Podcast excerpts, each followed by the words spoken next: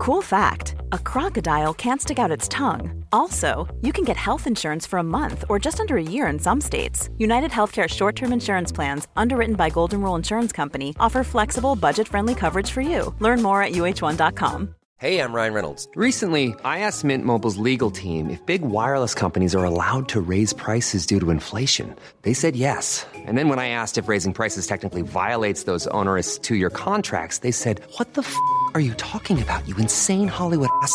So to recap, we're cutting the price of Mint Unlimited from $30 a month to just $15 a month. Give it a try at mintmobile.com slash switch. $45 upfront for three months plus taxes and fees. Promo for new customers for limited time. Unlimited more than 40 gigabytes per month. Slows. Full terms at mintmobile.com. Hey, it's Ryan Reynolds, and I'm here with Keith, co star of my upcoming film, If, only in theaters, May 17th. Do you want to tell people the big news?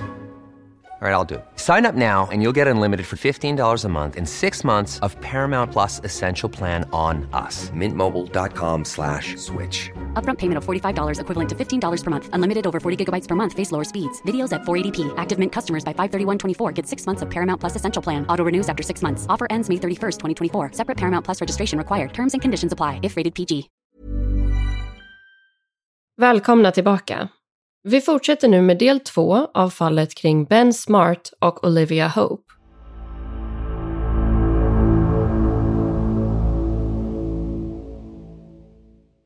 Mordutredningen skulle senare tilldelas kodnamnet Operation Tam, som var en förkortning av Tamarack, båten som Olivia och hennes vänner hade hyrt under nyåret och där hon och Ben tyvärr inte lyckades spendera natten. Ett av de första vittnen som polisen pratade med var Guy Wallace och den intervjun skedde redan den 3 januari. Guy tillsammans med det unga paret som hade bett om skjuts var ju trots allt de sista personerna som hade sett till Ben och Olivia i samband med att de klev på den mystiska mannens båt. Guy fick rita upp den båten som han hade sett och som beskrivs som en catch. Han skissade upp allting precis så som han mindes och det ska sägas att han var helt nykter under det här nyårsfirandet eftersom att han jobbade i baren och körde båt.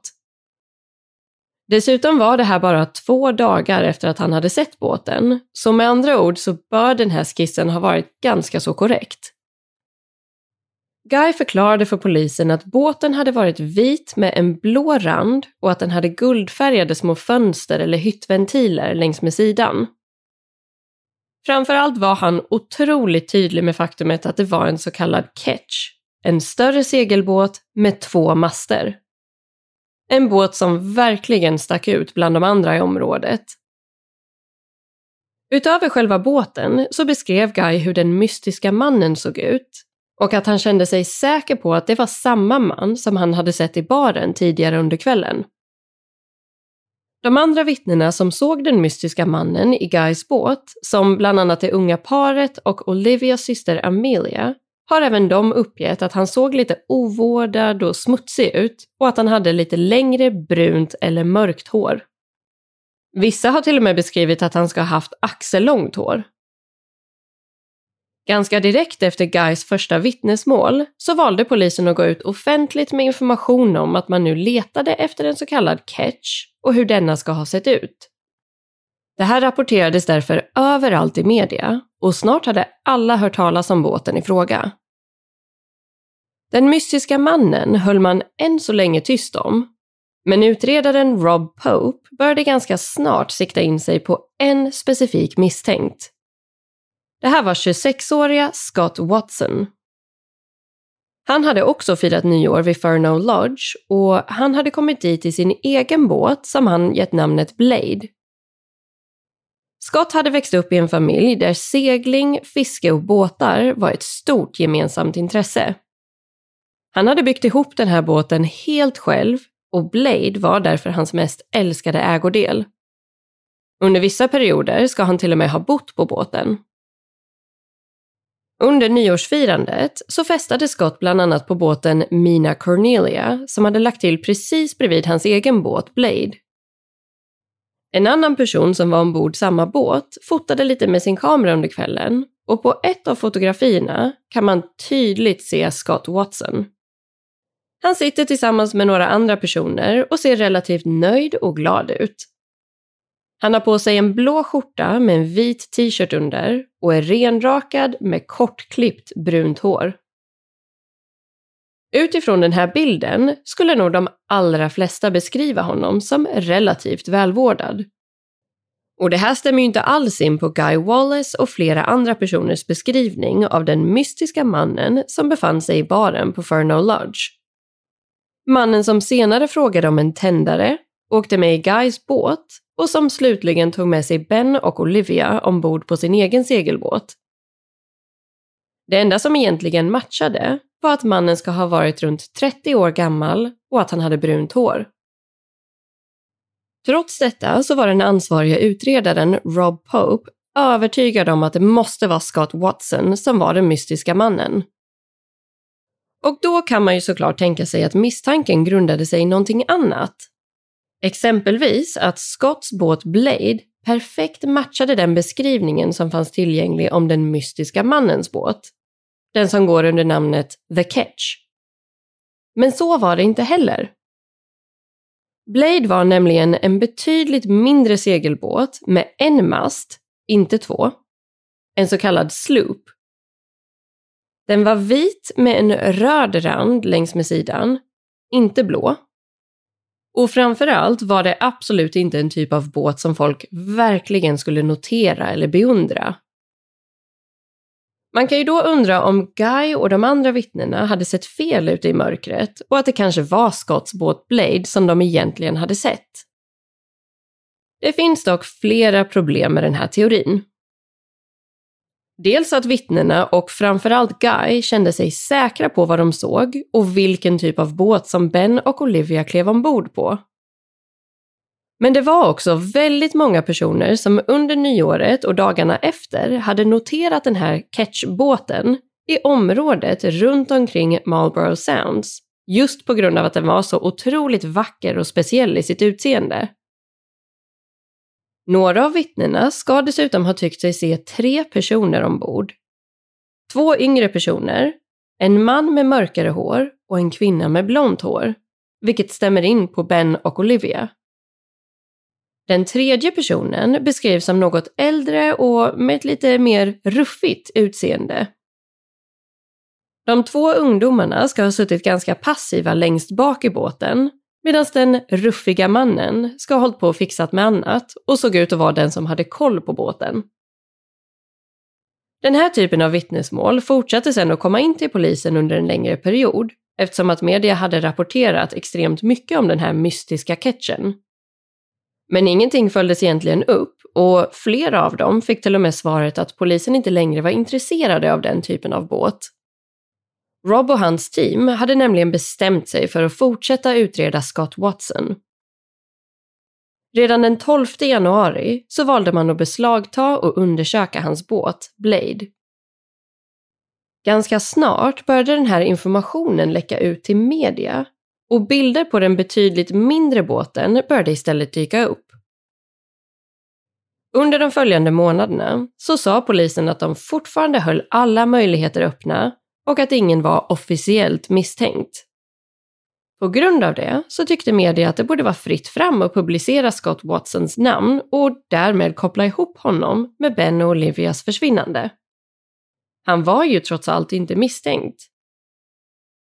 Det här eskalerade sen väldigt snabbt och inom kort blev hela familjen Watson mer eller mindre trakasserade av både polisen och allmänheten. Och givetvis har ju polisen rätt att utreda vem de vill, men man kan absolut säga att situationen kunde ha hanterats bättre, mer professionellt och med mer respekt gentemot familjen Watson. Bara som ett exempel så ska polisen ha hotat Scotts syster med att de skulle ta hennes barn ifrån henne om hon inte slutade ljuga och täcka upp för sin bror.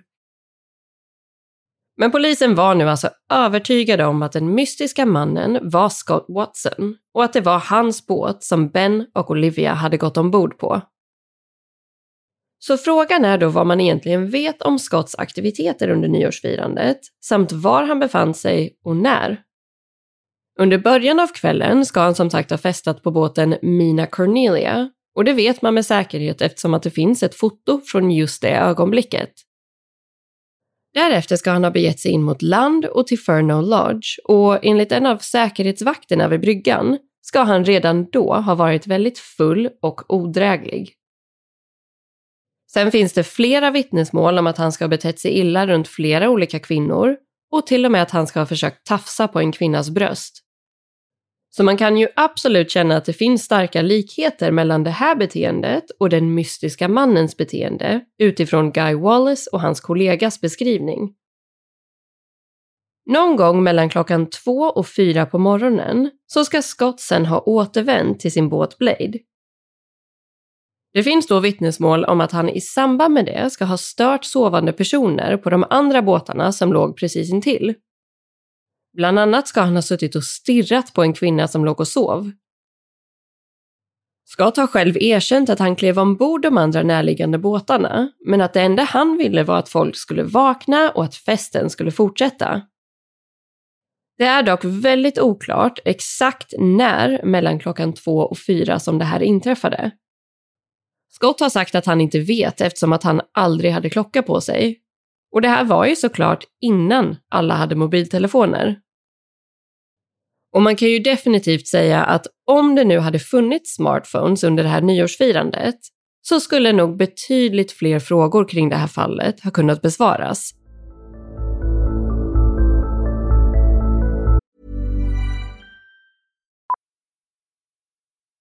Millions of people have lost weight with personalized plans from Noom, like Evan, who can't stand salads and still lost 50 pounds.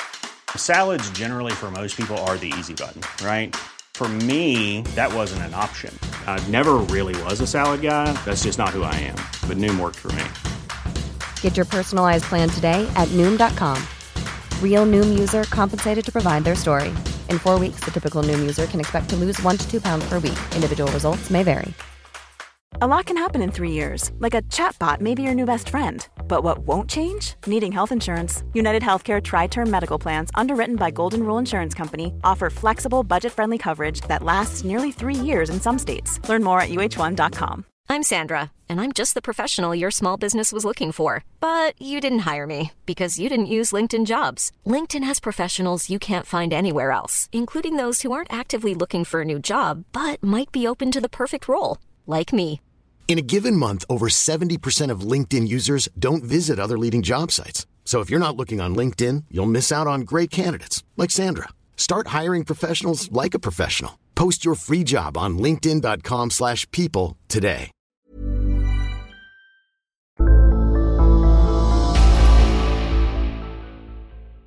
Allting kring själva tidslinjen blir sen ännu mer förvirrande För man har också kunnat bekräfta att den är väldigt onykter Scott Watson någon gång under de tidiga morgontimmarna ska ha hamnat i bråk med en ung kille vid namn Oliver Perkins.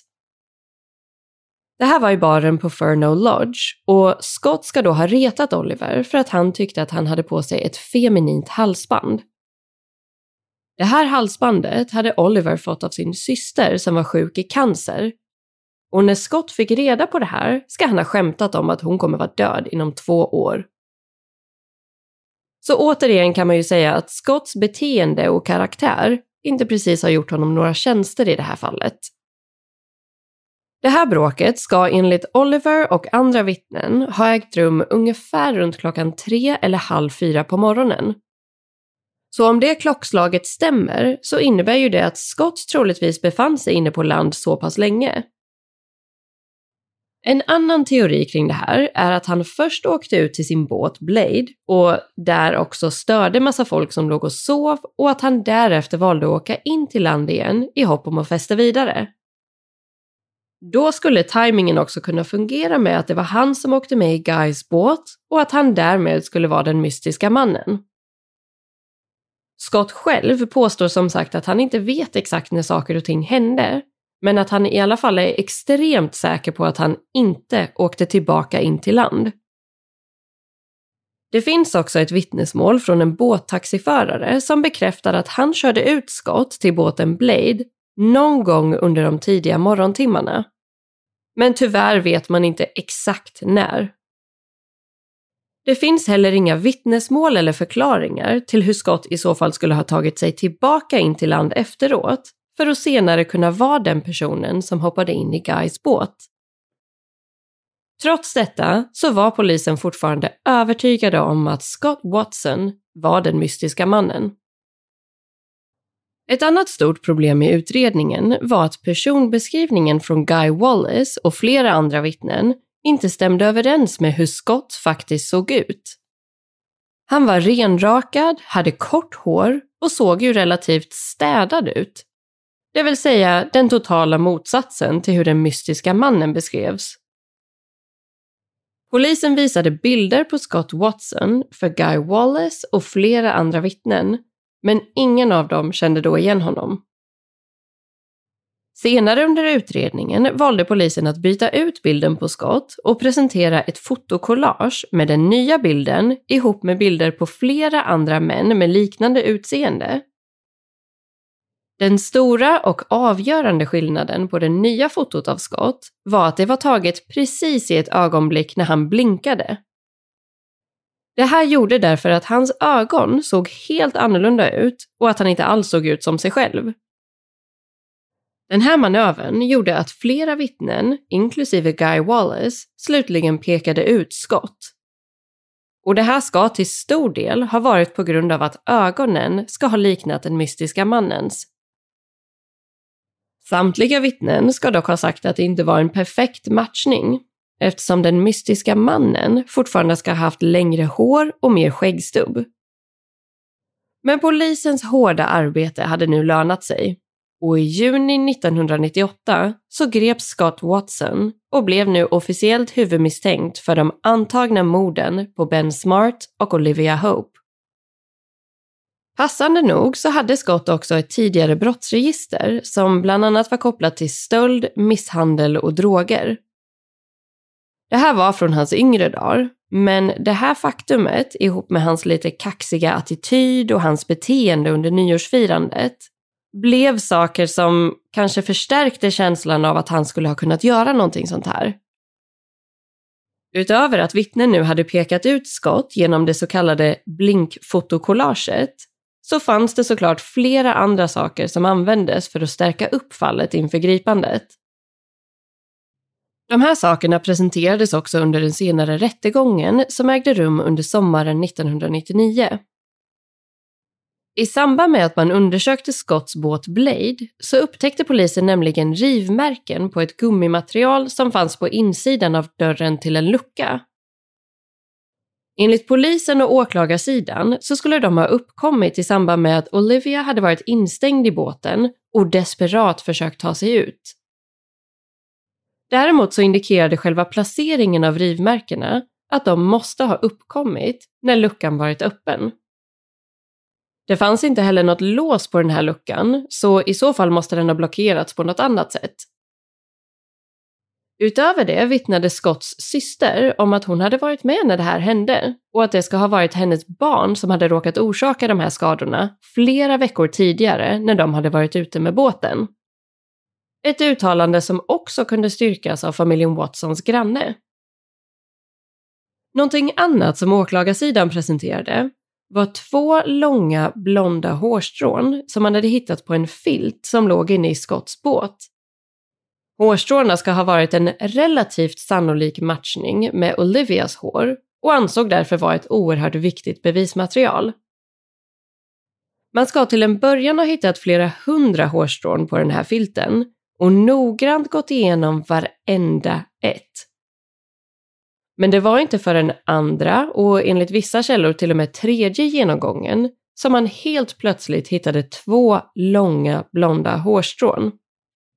Problemet var bara att man under samma dag, på samma arbetsyta, hade undersökt blonda hårstrån som man med godkännande av Olivias familj hade samlat in från hennes bostad. Det visade sig också senare att plastpåsen med Olivias hår från bostaden hade haft en liten reva i sig. En reva som var tillräckligt stor för att släppa igenom flera hårstrån. Experten som ansvarade för analysen av håret erkände till och med under rättegången att det fanns en viss risk för att kontaminering kunde ha ägt rum.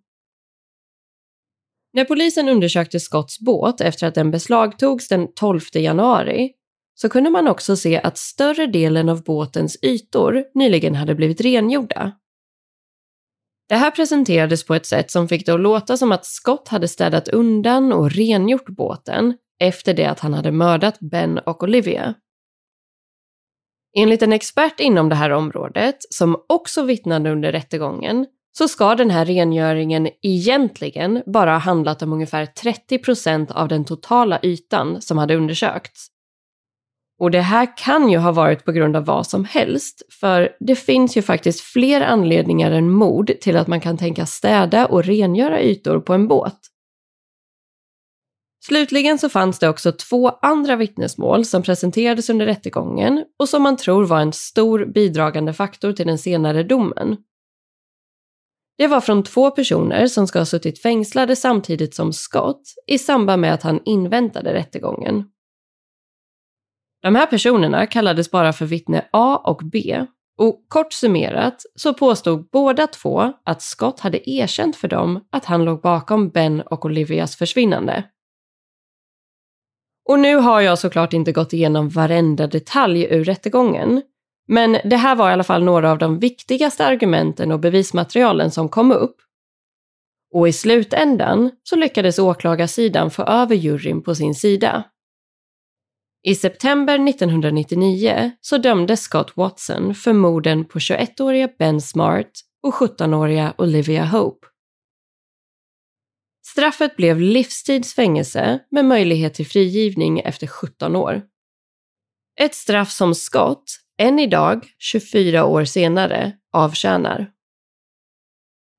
Båda vittnena från fängelset, vittne A och B, har efteråt sagt att deras uttalanden inte stämde och att de ska ha blivit påverkade av polisen. Även Guy Wallace och flera andra vittnen har uttalat sig om att de också, i efterhand, har insett att de på flera olika sätt blev manipulerade och vilseledda av polisen och att de inte alls tror att Scott Watson var den mystiska mannen.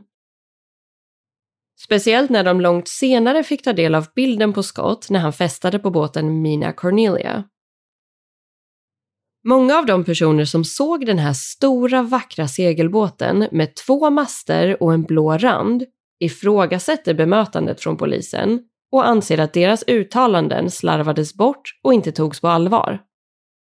De är fortfarande säkra på att den här mystiska båten faktiskt existerade och att Guy Wallace första skiss av båten därmed borde ha varit korrekt.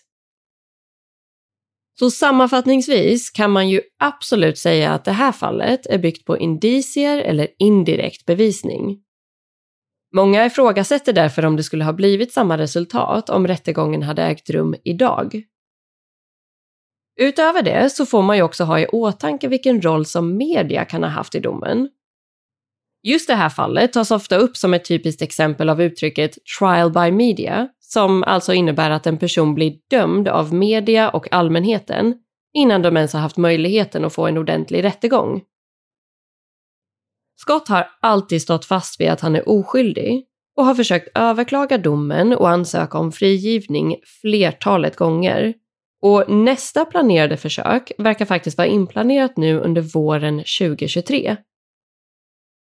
Vissa experter menar dock på att någonting riktigt stort måste hända för att han skulle kunna bli frisläppt eller få en ny rättegång.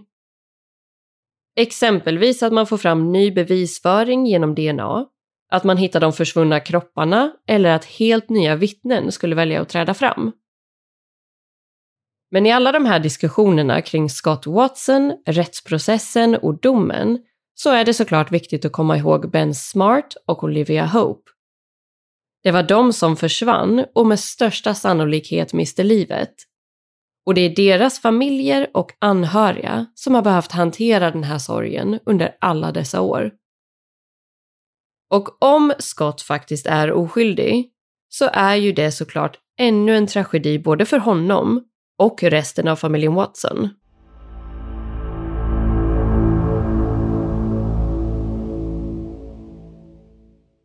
Mm, man kan ju verkligen förstå varför det här fallet har blivit så pass omdiskuterat bland Nya Zeelands befolkning. För det är ju en väldans massa saker som man inte riktigt förstår hur man har kommit fram till. Och framförallt är det ju väldigt frustrerande att flera personer såg gärningsmannen och den båten som Ben och Olivia försvann iväg på. Men trots det så verkar det råda så pass mycket osäkerhet kring hur han faktiskt såg ut. Sen ska man ju också komma ihåg att många vittnen i det här fallet var unga, onyktra och trötta, vilket troligtvis inte är optimala förutsättningar för att kunna komma ihåg exakta detaljer eller klockslag. Man vet ju inte heller hur mycket de kan ha påverkats av varandra, av medias rapporteringar och eventuellt också av polisen. Eller troligtvis av polisen, om man nu utgår ifrån hur vissa delar av den här utredningen faktiskt gick till. Och det kan ju såklart vara så att Scott Watson faktiskt är skyldig, men oavsett vad så tror jag att de flesta av oss skulle hålla med om att både utredningen och rättegången kanske inte gick helt rätt till. Och som alltid finns det såklart mycket mer information att ta del av kring det här ämnet, men förhoppningsvis så har det här i alla fall gett er en liten överblick kring vad det här fallet handlar om och varför det har blivit så pass omtalat. Så tills vi hörs igen nästa vecka säger jag helt enkelt tusen tack för att just du har valt att lyssna på det här avsnittet av Rysapodden.